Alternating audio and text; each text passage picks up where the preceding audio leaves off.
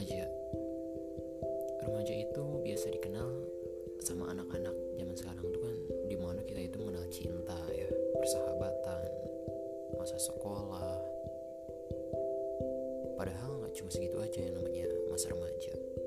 Masa remaja itu penuh dengan yang namanya banyak sekali permasalahan. Kita mempertimbangkan masa depan, sudah lulus sekolah kita mau ke mana nih? Sudah lulus kuliah kita mau ngapain nih? Kan masalahnya seperti itu ya. Nah teman-teman semuanya pada podcast yang saya buat ini saya akan menceritakan banyak sekali pengalaman-pengalaman dari saya terutama dan dari teman-teman saya mengenai masalah yang saya dapatkan dan teman-teman saya juga.